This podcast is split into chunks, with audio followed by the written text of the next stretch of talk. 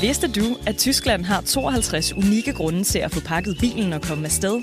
Med 52 kulturskatte, steder og traditioner på UNESCO's liste, og en verdensarv på mere end 7.000 år, kan en tur til Tyskland blive en enestående mulighed for at rejse tilbage i tiden. Find mere inspiration til din næste Tysklandsrejse på germany.travel.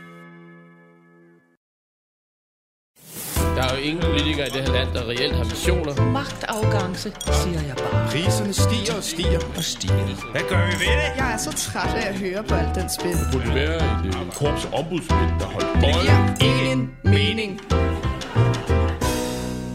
Velkommen til en af de fine københavnske salonger.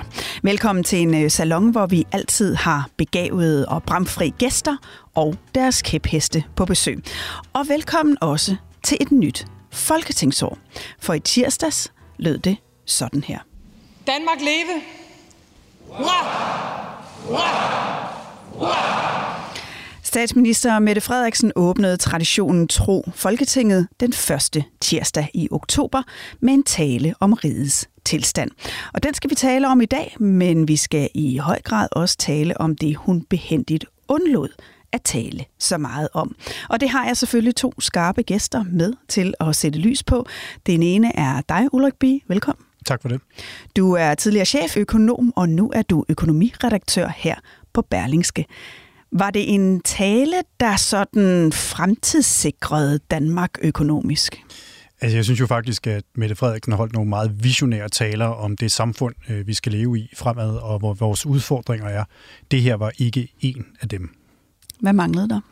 Jamen, der manglede de to ting, som vi jo er interesseret i. Der manglede rigtig meget på klima, som er, hvor der er, det er rigtigt, der er dilemmaer, men det er jo ikke på et, på et banalt niveau. Det er jo meget store samfundsbeslutninger, der skal træffes. Og så er der jo på den økonomiske side, hvor man bare siger, hvordan går det, og hvordan skal det gå fremad? Den her, det her er jo en regering, der har et øh, hvad er det, 56 sider langt regeringsgrundlag, som grundlæggende handler om, hvordan Danmark skal fremtidssikres. Og det er jo derfor, jeg har, synes, det har givet dem en chance. Det det var bare ikke det, at den her tale afspejlede. Og det er jo rigtigt, at klima er et andet stort tema, vi gerne vil øh, dykke ned i i dag, og derfor er jeg også meget glad for at kunne byde velkommen til salongens anden gæst. Det er dig, Conny Hedegaard. Velkommen. Ja, tak skal du have. Du er bestyrelsesformand i den grønne tænketank øh, Concito, og du er tidligere konservativ klimaminister og ikke mindst klimakommissær i EU. Først var Mette Frederiksen rød, så blev hun grøn. Var det her en rød eller en grøn tale? Ej, man kan nok ikke sige, at det var en grøn tale, men, øh, men det, var, det var jo egentlig heller ikke særlig rød, hvis man endelig skal det for alt, hvad der blev sagt om folkeskolen. Det tror jeg lige så godt øh, gode borgerlige mennesker kunne have sagt, hvis det er det. Men det var jo godt nok, at Mette Frederiksen tager fat på sådan nogle af de reelle dilemmaer, der er. Det havde selvfølgelig været endnu bedre, hvis der også var nogle bud på, hvordan de skulle løses. Ja, jeg må jo også øh, selv lige øh, bekende øh, kulør. Jeg, jeg skrev en, må, må jo nok erkende, rimelig kritisk leder i Berlingske efter talen, fordi jeg synes, at det var meget sådan udtryk for et Facebook-demokrati, det der blev talt om. Altså emner, som gør sig rigtig godt ved middagsbordet som diskussionsemner, men som måske ikke sådan rigtig tog fat om den politiske handling. Men lad os prøve at øh, dykke ned i øh, temaerne nu. Velkommen i Østergårds Salon.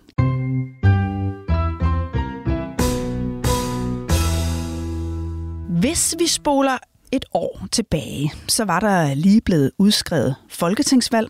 Vi stod i en energikrise. Inflationen stak af. Folk flyttede ud i deres campingvogne, fordi de ikke kunne betale deres regninger. Og dengang, der lød tonen noget mere dyster. Verden er blevet mere usikker. Energikrise, cyberangreb, anslag mod kritisk infrastruktur, vores forsyningssikkerhed er under pres, og værst af alt, krigen er tilbage i Europa. Ja, det var en kriseretorik, der prægede talen bare for et år siden. Lad os så prøve at tage et klip fra talen i år.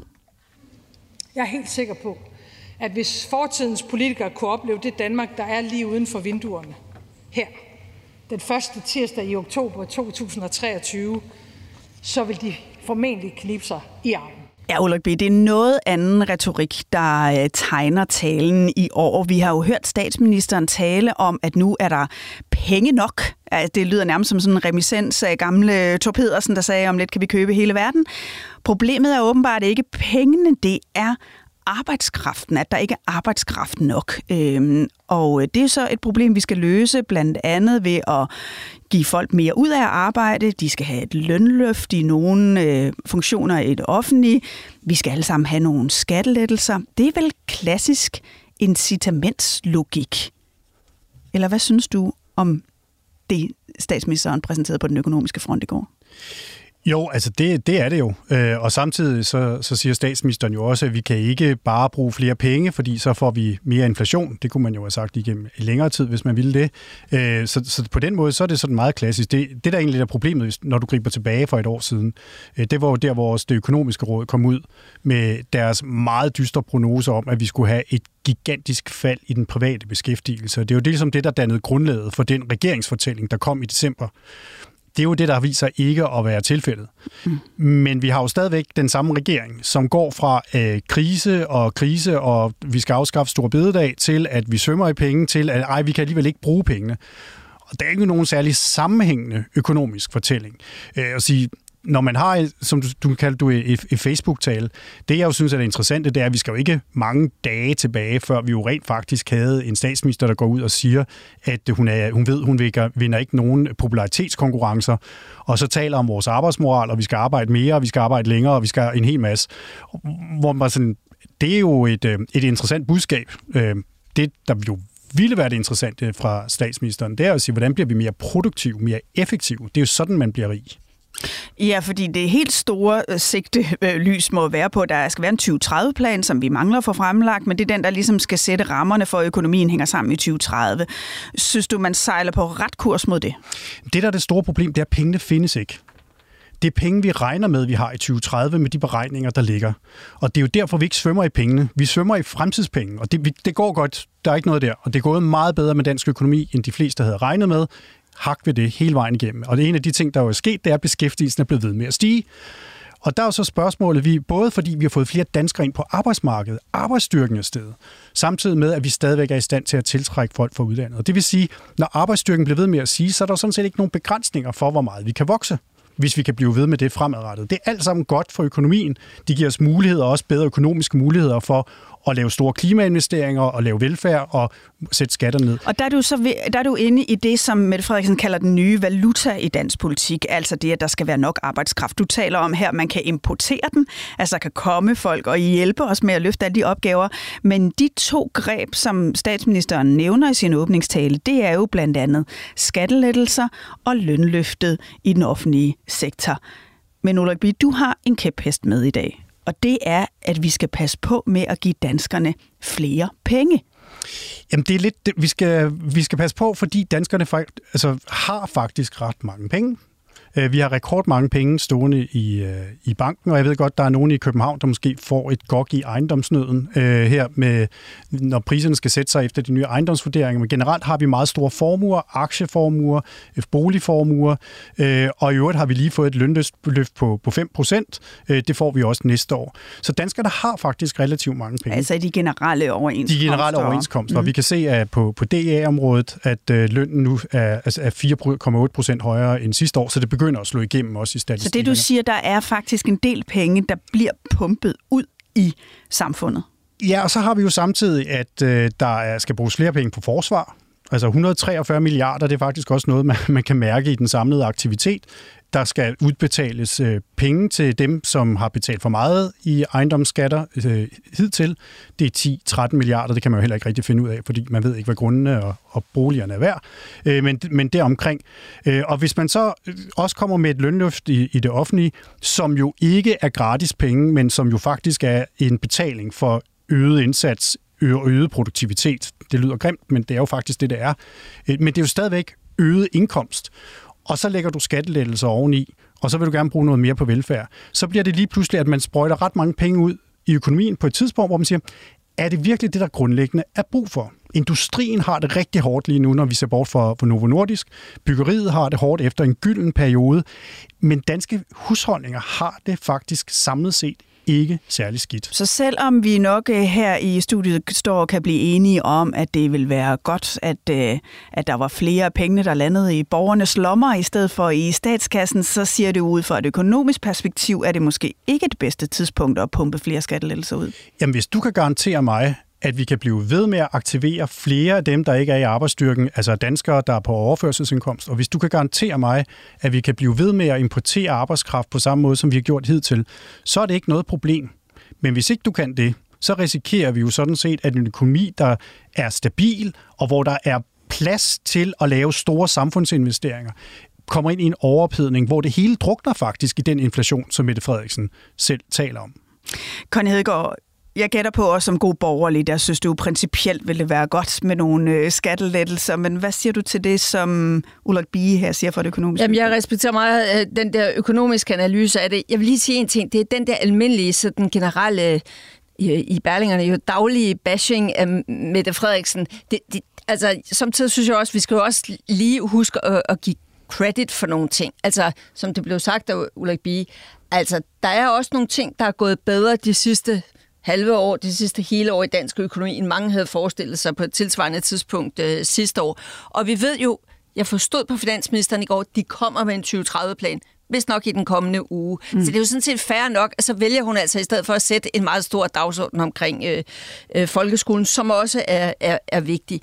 Men jeg tror altså, det der med Frederiksen tror, hun kan få danskerne til at arbejde mere. Der tror jeg altså, at Ulrik Bie har meget ret i, at vi skal kigge et lidt andet sted hen. Altså, hvordan kan vi arbejde smarter, work smarter, not harder? Og det er der rigtig mange grunde til, at der er noget teknologi, der kan hjælpe os til det osv.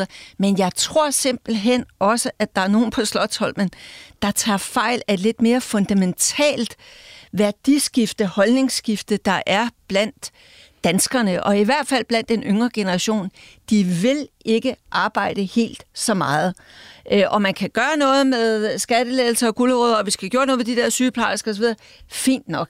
Men jeg tror altså, hvis man lægger det hele an på det, det kommer ikke til at ske. Og statsministeren har jo ellers lagt vægt på det. Altså ja, ja. Øh, også i sin tale til Socialdemokratiske Kongres for nylig lavede hun jo fokus på, at vi, vi, øh, vi er rige, fordi vi er flittige. Ja, men også fordi vi er produktive. Ikke? Nej, det er jo et, faktisk ikke det, hun siger. Øh, det, det er jo det, der er det problemet. At, at hun siger jo faktisk, at at stigende velstand skal, det duer ikke, at det betyder mindre arbejdstid. Hvis vi ikke holder fast i vores stærke arbejdsmoral og bliver ved med at arbejde mindst lige så meget, så holder vores velfærdsmodel ikke. Og det er jo præcis der, hvor Connie har ret. Det drejer sig om, hvordan vi arbejder. Altså, hvis du sender 100 personer ned i et hul med en skovl, så kan de grave. Det er høj arbejdsmoral og hård indsats. Du kan også sende to personer derned med en gravko, og så får du det samme ud af det. Det er jo bare et spørgsmål om at gøre det smartere at anvende teknologien. Og der sker lige nu teknologiske landvindinger på en lang række områder, ikke mindst på, på klimateknologi, fordi amerikanerne er kommet på banen. Vi får nogle meget, meget store teknologispring i de kommende år. Kunstig intelligens, Ja. Mine amerikanske venner, jeg siger bare, alle, der sidder på deres flade i USA, øh, de har nu fået en ny ven eller fjende, afhængig af, hvor man ligger i hierarkiet. Det er det, der kommer til at være dagsordenen på alle kontorarbejdspladser Men er du enig med Connie i, at du tror, at, at, at blikket på, hvor pligtopfyldende vi vil være for fællesskabets skyld, er forkert? Det er det, der er det grundlæggende problem, når man er pligtmenneske, som Mette Frederiksen har, har kendetegnet sig selv. Der, jeg skrev om, at Storbritannien havde brug for en socialdemokratisk revolution i sidste uge, det står mm. jeg ved. Øh, men der var en, der skrev til mig, som havde boet i Storbritannien og sagde, at det, der var Thatchers problem, var, at alle, hun troede, alle havde den samme arbejdsmoral, som hun havde. Og når det ikke holdt, så faldt det hele fra hinanden. Og det er pligtmenneskets store skuffelse altid, at andre har ikke den samme indstilling. Og jeg er meget enig, at det, og jeg tror, det er faktisk der, hvor coronatiden har ændret noget. Det er, jeg voksede op med, da jeg kom ud på arbejdsmarkedet, var der 10 procent arbejdsløshed. Unge i dag har aldrig prøvet arbejdsløshed. Det betyder, at de ikke er bange for at prøve noget, fordi de, de binder sig ikke til en stol, som en ung italiener ville gøre. Og det er i sig selv vækstskabende, fordi når man prøver, så er der flere idéer, der bliver til noget. Og det er jo noget til at skabe et dynamisk samfund, men jeg tror, coronatiden har ændret det for os, der har lidt mere gråt hår, hvor der er bare nogle prioriteter, som bliver anderledes i forhold til, hvor længe man har tænkt sig at arbejde fuldtid og på mm. hvilke vilkår. Jamen, altså, det er jo lige præcis det, jeg tror, der er sådan et paradigmeskifte der. Set gennem den grønne linse, så kan det jo være udmærket, hvis vi kan finde ud af at, at bruge den tid til sådan en, en anden slags, en mere kvalitativ form for vækst og udvikling. Men det vil jo så fordre, at netop nogle af de ting, Ulrik Bie nævner omkring kunstig intelligens, digitalisering, produktivitetsændring og andre måder at arbejde på, det skal der jo så investeres i. Og der tror jeg, at vi er rigtig meget udfordret af, at nogle af de her teknologier, for eksempel kunstig intelligens, det går så stærkt. Og vi har altså lidt en tendens til, at vi lander typisk det rigtige sted efter meget palaveren frem og tilbage. Men jeg tror altså, vi skal vende os til, vi skal en lille smule op i gear, hvis vi stadigvæk skal kunne opretholde illusionen om, at vi sådan er foran de andre og bedre end de andre, og, og dermed også fastholde vores konkurrenceevne. Og det er nok der, man godt kunne ønske sig, at der var et lidt stærkere fokus. At vi også ikke bare skal, det handler ikke bare om velfærd, og jeg er med på, at der kan være nogle områder, hvor der er virkelig rigtig udfordring, men at, at der skal altså investeres i innovation og fornyelse i en lidt anden dimension, end vi har gjort i nogle år. Og Connie Hedegaard, det er der, man kan høre, at du er gammel studievært, fordi det er jo den perfekte bro over til det emne, vi nu skal tale om, nemlig også et område, hvor øh, der måske er brug for, at vi forandrer os lidt hurtigere, hvis vi stadigvæk vil øh, være i front, nemlig klimaområdet. Tag på en tidsrejse gennem UNESCO's eventyrlige kulturarv og oplev magien i Bremens gamle bydel, Lübecks historiske gader, eller kom med ned under jorden i den gamle Rammelsbergsmine i Niedersachsen. Find mere inspiration til din næste Tysklandsrejse på germany.travel.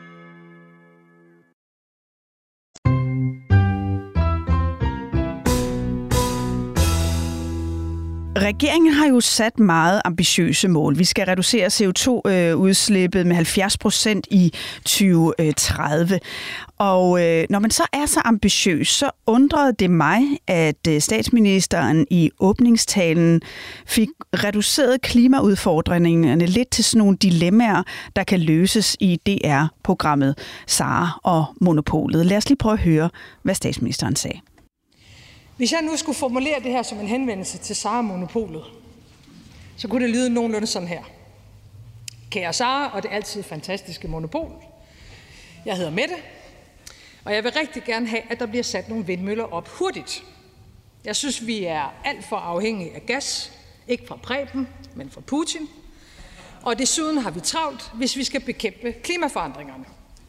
Heldigvis er der nogen, der gerne vil sætte vindmøller op blandt andet på havet uden for Stævns på Sjælland.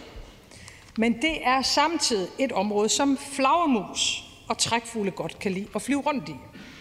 Og dem, der gerne vil sætte vindmøllerne op, de har ikke fået talt op, hvor mange flagermus, der flyver i området om foråret og om efteråret. Derfor er det projekt nu forsinket. Hvad mener monopolet? Har dem, der vil sætte vindmøller op, ikke gjort deres forarbejde ordentligt, og er flagermus vigtigere end vindmøller? Kærlig hilsen, Mette. Ja, Conny Hedegaard, hvad er det gode øh, svar fra monopolet her? Ja, det gode og korte svar, det vil være, hallo, den der, altså, den der snubletråd, som jeg tror, at statsministeren kaldte det i går, den har vi altså kendt til rigtig, rigtig, rigtig længe. Det tager i snit 4-5 år i Danmark at få tilladelse, han har sagt, til, til noget som helst. Det er bedre end i Tyskland, hvor det tager 8-9 år, men alligevel. Så jeg tror altså, at svaret måtte være tilbage til, til Mette, der spørger, og at se nu at få gjort noget ved de høringsprocedurer. Altså, det er jo trods alt ikke rocket science. For eksempel i Danmark, der lægger vi alle sådan høringsprocesser. De ligger pænt i forlængelse af hinanden. Først får du tre måneder til at svare på et eller andet, så bagefter så er det Ulriks tur eller en anden organisation osv. Og på den måde så går tiden, og der må klages, og der er ikke nok til at tage sig af de der klager osv. Så svaret er jo, prøv nu at lægge de der høringsprocesser lidt ind over hinanden. Inddrag reelt er nogle af de der forskellige organisationer. Snak med dem. Inviter dem til dialog.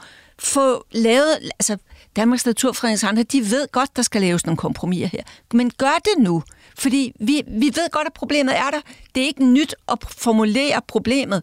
Det interessante vil være, hvis den Mette, der spørger, i spidsen for en regering sagde, nu løser vi det. Så svært er det heller ikke. Og hvad skal der så til for, at hun kan løse det? Jamen, der skal blandt andet være det, at alle de der mange høringsprocesser, nu var det det konkrete spørgsmål, de ligger lidt mere ind over hinanden, så vi altså får det skubbet sådan presset lidt sammen, og så lidt mere reel dialog.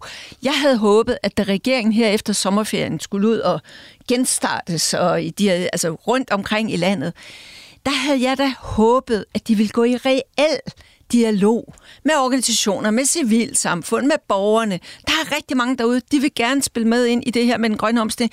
De ved da godt, at de næste skridt bliver vanskelige. Men hvad gjorde man? Man rejste rundt, sådan at det skulle være lidt sjovt, og hvilken Disney-figur vil du helst være, og hvad er din yndlingsfilm? Og så spiller man sådan en lejlighed. Jeg, jeg tror jo, at man godt må tale op til danskerne.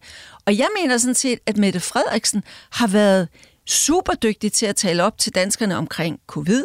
Hun var meget, meget dygtig til at få hele Folketinget til at gå med på, at der skal sendes F-16-fly til Ukraine. Jamen tænk alligevel, at det lykkedes. Altså nogle af os skal huske tilbage til kold krig og 80'erne og sådan noget. Fantastisk. Som, som Mette Frederiksen og Lars Løkke og dem, der er ved magten nu, de er faktisk dygtige til at kommunikere til danskerne. Så brug det der til at tale den grønne omstilling lidt op. Brug også anledning til at sige, ved I hvad venner, det her, vi har gået og sagt i mange år, som om, uh, at man kom nærmest ikke til at mærke den grønne omstilling. En eller anden dag, så ville vi vågne, og så var det blevet omstillet nærmest uden at nogen kunne mærke det. Og det er der, der er jo ingen danskere, der tror på det. Der er jo heller ingen danskere, der tror på, at det kommer til at kunne mærkes på den ene eller den anden måde økonomisk. Enten at noget i ens eget liv bliver dyrere, end det var i går, eller også, at der er nogle prioriteringer, der skal gøres samfundsmæssigt. Så lidt mere ærlighed, og lidt mere talen op til danskerne, og så lidt mere, i stedet for hele tiden, hold da op, og hvor er det også synd, og den der spaghetti bolognese, som vi har hørt så meget om. Hvad med, i stedet for ligesom også at betone, hallo, vi er i konkurrence med Kina, med USA, med rigtig mange, og de begynder altså at rykke nu. Vi har nogle muligheder her, men dem skal vi gribe, for hvis vi er fodslæben de næste to, tre, fire år, glem det, så mister vi også de job og de muligheder og den eksport, der ligger i alt det her. Og det er jo din kæphest, at du er kritisk over for, hvordan regeringen kommunikerer omkring det her problem. Et er, at der skal mere ærlighed. Noget andet er, at jeg synes også, at der, har, der, har, altså der, der sniger sig sådan en frygt ind for, hvordan vælgerne vil reagere. Nu kan vi høre, at 8 ud af 10 skal være enige om, hvordan vi laver de her forandringer. Ellers risikerer vi hollandske tilstande, hvor der har været stort ja, oprør mod som om man næsten beder om det. Hvor man kunne sige, at lederskab er jo også en gang imellem bare at sige, prøv at høre venner, vi foreslår, det er det her, der skal ske, vi skal i den her retning. Og så husk lige at inddrage dem, der skal inddrages undervejs og sådan noget. Rigtig fint. Men, men altså, lidt mere politisk mod, øh, det kunne jeg godt tænke mig. Der kommer jo en stor, konkret diskussion lige om lidt øh, som handler om landbruget, ja. som handler om CO2-afgift på landbruget. Øhm, og vi ved jo, at det allerede nu er en stor diskussion internt i Venstres folketingsgruppe. Jakob Ellemann Jensen står fast på, at der skal komme den her afgift, øh, også selvom han jo kommer ud af et landbrugsparti. Berlingske har talt med øh, en øh, landmand og venstremand, Ole Kjær, øh, som er noget kritisk over for, hvad han hører fra sin øh, partiformand. Lad os lige prøve at høre, hvad han siger. Jeg er bange for, at vi ødelægger et, øh, et erhverv, øh, et af måske verdens bedste, dygtigste folk, kvægbruget i, i, i, land, i, i Danmark. Jeg er bange for, at vi, vi tager livet af dem, hvis, hvis CO2-afgiften ikke bliver nuanceret. Ja, Connie Hedegaard, er der en risiko for, at vi tager livet af landbruget? Altså, for det første, det sagde industrien jo også i 70'erne og i 80'erne, da de fik besked på at rense øh, udledningerne og spildevand og luftforurening og sådan noget. Og hver gang man skal lave de der lidt større skift, så er der selvfølgelig nogen, der er bange for, hvad sker der med mig og min virksomhed, med min bedrift, hvis jeg skal gøre noget andet i går, end, end jeg gjorde øh, i morgen, end jeg gjorde i går. Men jeg tror at det er en meget, meget større fare, hvis vi står stille og ikke får skabt et fornuftigt incitament også for den store danske fødevaresektor, et endnu stærkere incitament til at gribe den her dagsorden, bruge den til at skabe endnu mere innovation, som der bliver sagt for den landmand, i, du lige spillede et klip fra. Selvfølgelig skal det være en nuanceret afgift, og selvfølgelig, det står jo også i klimaloven, at nu, altså pengene skal tilbage igen til erhvervet, det skal investeres på den ene og den anden måde, og der sidder et ekspertudvalg, der skal komme med budene på, hvordan og hvorledes. Jeg tror godt, man kan gøre det klogt. Jeg tror faktisk, at man gør den landmand, vi lige hørte, og alle hans kolleger, jeg tror, man gør dem en kæmpe bjørnetjeneste ved, at vi i alt alt for mange år har friholdt lige præcis landbruget for den her CO2-afgift, som industrien jo har fået for, for længst. Men det tror jeg er en bjørnetjeneste, fordi lige pludselig en dag, så vil det stå klart for alle, hold op, alle sektorer skal bidrage. Og det vil sige, at den enkelte landmand får så endnu kortere tid til rent faktisk at omstille sig. Jeg mener jo ikke, at sådan en afgift behøver at træde i kraft, hverken i dag eller i morgen eller om et år. Men du kan jo allerede ved at annoncere den nu, så kan du give landmanden et signal om, ved du hvad, om tre år, om fire år, om fem år, så bliver det faset ind på den og den måde. Så ved han, hun, hvad de har ret sig efter. Det er da bedre. Men Conny Hedegaard, du har jo også været minister. Ja. Du sad som konservativ minister i en VK-regering. Du ved godt, at Venstres bagland ja. selvfølgelig har mange følelser og mange penge involveret i det her spørgsmål. Hvor svært bliver det for Ellemann at få en aftale om CO2 igennem, som hans bagland kan leve Jamen, med? det bliver svært, men det ved til gengæld jo alle på Christiansborg, og derfor tror jeg faktisk, at der godt kan, når man har fået ekspertbidraget, jeg tror godt, det kan lande fornuftigt. Og jeg har jo også set i de senere dage, at Jacob Ellemann er jo meget, meget tydelig på, at det kommer, der kommer en afgift, og den kommer også i produktionsledet. Det er der, hvor det batter mest klimamæssigt. Og så er der en diskussion, om det også er noget, vi skal mærke i køledisken. Men det er ikke nogen let debat, og selvfølgelig er det en hammerende svær debat med dem, med øh, Inger Støjberg, der kører totalt på øh, frihjul og, og fisker i deres vande. Selvfølgelig er det svært, men jeg mener til gengæld også, at hvis Jacob Ellemann tabte den her diskussion internt i sin, sit parti, så vil den der diskussion om Venstre som byparti, og det er altså det, som de skal leve af, også hvis de skal være det store borgerlige parti, altså, så det, det, det kan Venstre heller ikke holde til, og Venstre kan heller ikke internt holde til det. Og med må jeg ikke lige bare sige én ting? Der er jo mange, nu nævnte du også de hollandske begivenheder der, og det store parti, der er kommet dernede lige pludselig. Hvor Selvf- landmænd jo har gjort et stort oprør. Ja. Selvfølgelig er der mange, mange snubletråde og det skal man jo finde fornuftige løsninger på og inddrage og høre på dem, der bliver berørt og få deres input osv. Det er derfor, det er lidt et problem, at Landbrug og Fødevare mest sidder med korslagte arme. Men man skal bare huske, ja, det er svært at gøre det her, og selvfølgelig skal man passe på at undgå polarisering i vores samfund. Men der er altså en anden slags polarisering, som jeg er nok så bange for. Og det er de der unge mennesker, der er meget optaget af klima, meget bekymret over klima, ikke kun unge mennesker, som er meget engagerede, aktivistiske. Nogle af dem begynder altså at blive frustrerede, nogle af dem begynder også at blive sådan en lille smule øh, radikaliseret og mister troen på, at vores samfundsmodel og kapitalismen, om man vil, kan klare den her udfordring. Og den der polarisering, for eksempel mellem generationer, den er altså nok så alvorlig for et samfund. Så der er ikke nogen lette løsninger her. Der kommer vi bare tilbage til, sig dog tingene lidt mere ærligt og klart og, og spille ud og få modspillet. Det er jo den måde, vi normalt har lavet gode, holdbare beslutninger på i Danmark. Ulrik Bie, det er jo, øh, det er jo rigtigt, som Conny Hedegaard her er inde på, at, øh, at industrien erhvervslivet har jo også været kæmpe store drivere i forhold til at forankre øh, forandringer inden for øh, klimaområdet. Vi ved jo også, at money talks, øh, når det kommer til den grønne omstilling. Kan du se med de linjer, der bliver lagt ud for regeringen her, at vi kan blive ved med at være et forgangsland, at vi kan blive ved med at eksportere grønne løsninger, som vi jo sådan lidt har lullet os ind i en forestilling om, at det er en del af den position, vi har i verden. Nå, men det, det er, vi er ikke et forgangsland øh, i forhold til, til teknologi. Øh, det er vi ikke. Altså, Kina har indhentet på, på rigtig mange områder, og det, som jeg synes er så enormt vigtigt, den klimapakke, der kom i USA, øh, betyder, vi kan jo allerede nu se rigtig mange fa- fa- øh, bilbatterier og andre grønne løsninger øh, flytter produktionen til USA, fordi de kan få enorme skattetilskud derovre. Men det, der er så vigtigt, når man skaber et marked i USA, det er, at du aktiverer alle led af værdikæden. Det vil sige, universiteterne lige nu, der foregår der altså teknologisk forskning, som der ikke har været før på det her område, fordi der bare ikke har været noget indre marked. Amerikanerne er ikke interesseret i eksport.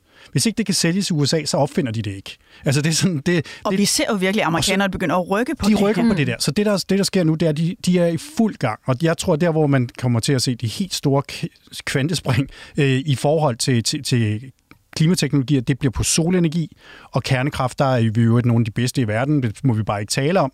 Men amerikanerne kan aktivere kapital, venturekapital, de kan aktivere iværksættere, byer og stater konkurrerer nu om at få de fremtidige grønne arbejdspladser med, med gode skattevilkår. Og når alt det her sker, så kommer de store virksomheder også på banen, for ellers bliver de udkonkurreret de nye. Og det er det, der er så farligt for os ved at tro, at vi sidder her øh, øh og, og bygger nogle flere vindmøller. Altså, vi skal op i et helt, helt andet gear, og vi skal tænke langt, langt bredere i forhold til, at de andre rykker. Og hvis vi bare bliver i Europa, altså vi køber alt for meget grønt solceller, øh, det køber fra Kina. Hvor mange europæiske arbejdspladser er der i det? Enel i Italien er ved at bygge en gigafabrik på Sicilien, øh, som i øvrigt har nogle øh, solceller, som er 50% mere effektive end det, der kommer fra Kina, og som holder længere, men som er selvfølgelig er dyre i indkøb. Vi er jo også nødt til at tænke på vores udbudspolitik. Når vi køber, hvordan skal det der samlede regnskab se ud? For herhjemme, der er vi jo bare enormt nære og tænker som et meget fattigt land, når vi laver de der ting. Ja, jeg er meget enig i det også. Der må vi samtidig, man kunne godt bruge de offentlige indkøb for eksempel meget mere strategisk. Det gør de bare for eksempel i Norge. Der bruger de det simpelthen at trække nye produkter meget hurtigere ud på markedet. For vi er jo stadigvæk gode til mange ting i Danmark, men vi er bare lidt for langsomme til at få det til ja. skala. Og det er der, at en ting er en pris og et prissignal, og i den øh, sammenhæng, der synes jeg, det er så mærkeligt, at Danmarks såkaldte liberale erhverv, landbruget, de er imod det mest liberale værktøj, der findes, nemlig et prissignal. Men det amerikanerne jo så også gør, de går jo også ind og understøtter innovationen. Altså, ja. de sørger for, at der også er gulderødder. Og det har jo næsten været sådan noget ideologisk, uha nej, markedet klarer det selv. Det kan godt være, at det er meget ideelt i Europa, men vi er altså op, vi konkurrerer mod kineserne. De har den kinesiske statskasse i ryggen, og der er ingen grænser. Læs den kinesiske femårsplan. De har bestemt, hvilke centrale teknologier ja. for hele verden, de vil være førende på. Og nu har vi altså USA. 2.500 milliarder kroner er der i den der Inflation Reduction Act. Ikke bare til amerikanske virksomheder, men til alle virksomheder, der vil investere i det grønne i USA. Og det er altså også gulderødder. De har også noget prissætning i rigtig mange af staterne, øh, en pris på CO2 for eksempel, men de giver også gulderødder. Og der tror jeg bare, hvis vi bliver stående der i Europa og siger, nej, nej, det, det må de klare selv. Fint, det er sådan holdningsmæssigt sikkert rigtig, rigtig godt, men vi, vi taber, for vi er op imod nogen, der på en helt anden måde understøtter deres nye teknologier. Og så bare sige, at vi er nødt til at samarbejde i Europa. Ja. Altså, når danskerne synes, vi bruger 2 milliarder kroner, så i var det mange penge. Altså, så bruger tyskerne øh, 140 milliarder på det samme. Ikke? Altså, hvem er det, der kommer til at, at løbe med det der. Vi er nødt til i Europa ikke at konkurrere mod hinanden, men at pule vores ressourcer, pule alt vores viden, altså universitetsviden, grundforskning, ja. for det samlet, sådan så vi, fordi vi er dygtige, og vi kan mange ting, men vi er bare dårlige til at få det ud over startrampen. Jeg hører jer sige, at vi kan ikke bare øh, blive ved at diskutere dilemmaer. Der skal sådan set både rigtig meget handling og rigtig meget kapital til, for at vi øh, kan flytte noget. Den dame og den herre, vi er ved at løbe ud af tid her i øh, salongen. Bare her til sidst vil jeg bare høre jer, hvad der står tilbage for jer i den tale, vi hørte fra statsministeren tirsdag. Intet. Altså, jeg sige det. altså, hun har holdt nogle, jeg synes faktisk, hun er enormt visionær, og jeg synes, hun holder nogle taler, som er virkelig, virkelig værd at lytte til uden fordomme, for hun har nogle visioner for det danske samfund, som jeg faktisk synes er enormt stærke, og ikke røde eller blå. Øh, men den her tale var ligegyldig. Altså, jeg er enig i øh, karakteristikken af statsministeren, og også hendes evne til at sætte dagsordenen. Det gjorde hun så på et andet område i går end lige det, vi har diskuteret her i dag, og fred med det.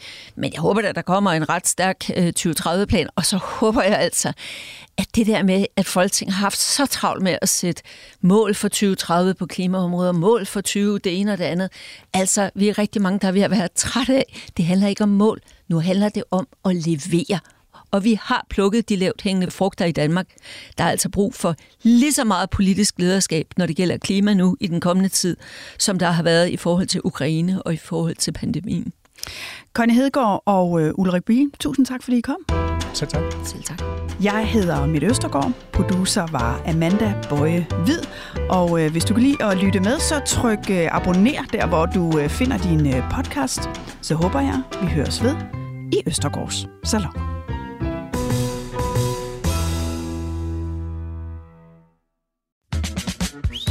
Tag på en tidsrejse gennem UNESCO's eventyrlige kulturarv og oplev magien i Bremens gamle bydel, Lübecks historiske gader, eller kom med ned under jorden i den gamle Rammelsbergsmine i Niedersachsen. Find mere inspiration til din næste Tysklandsrejse på germany.travel.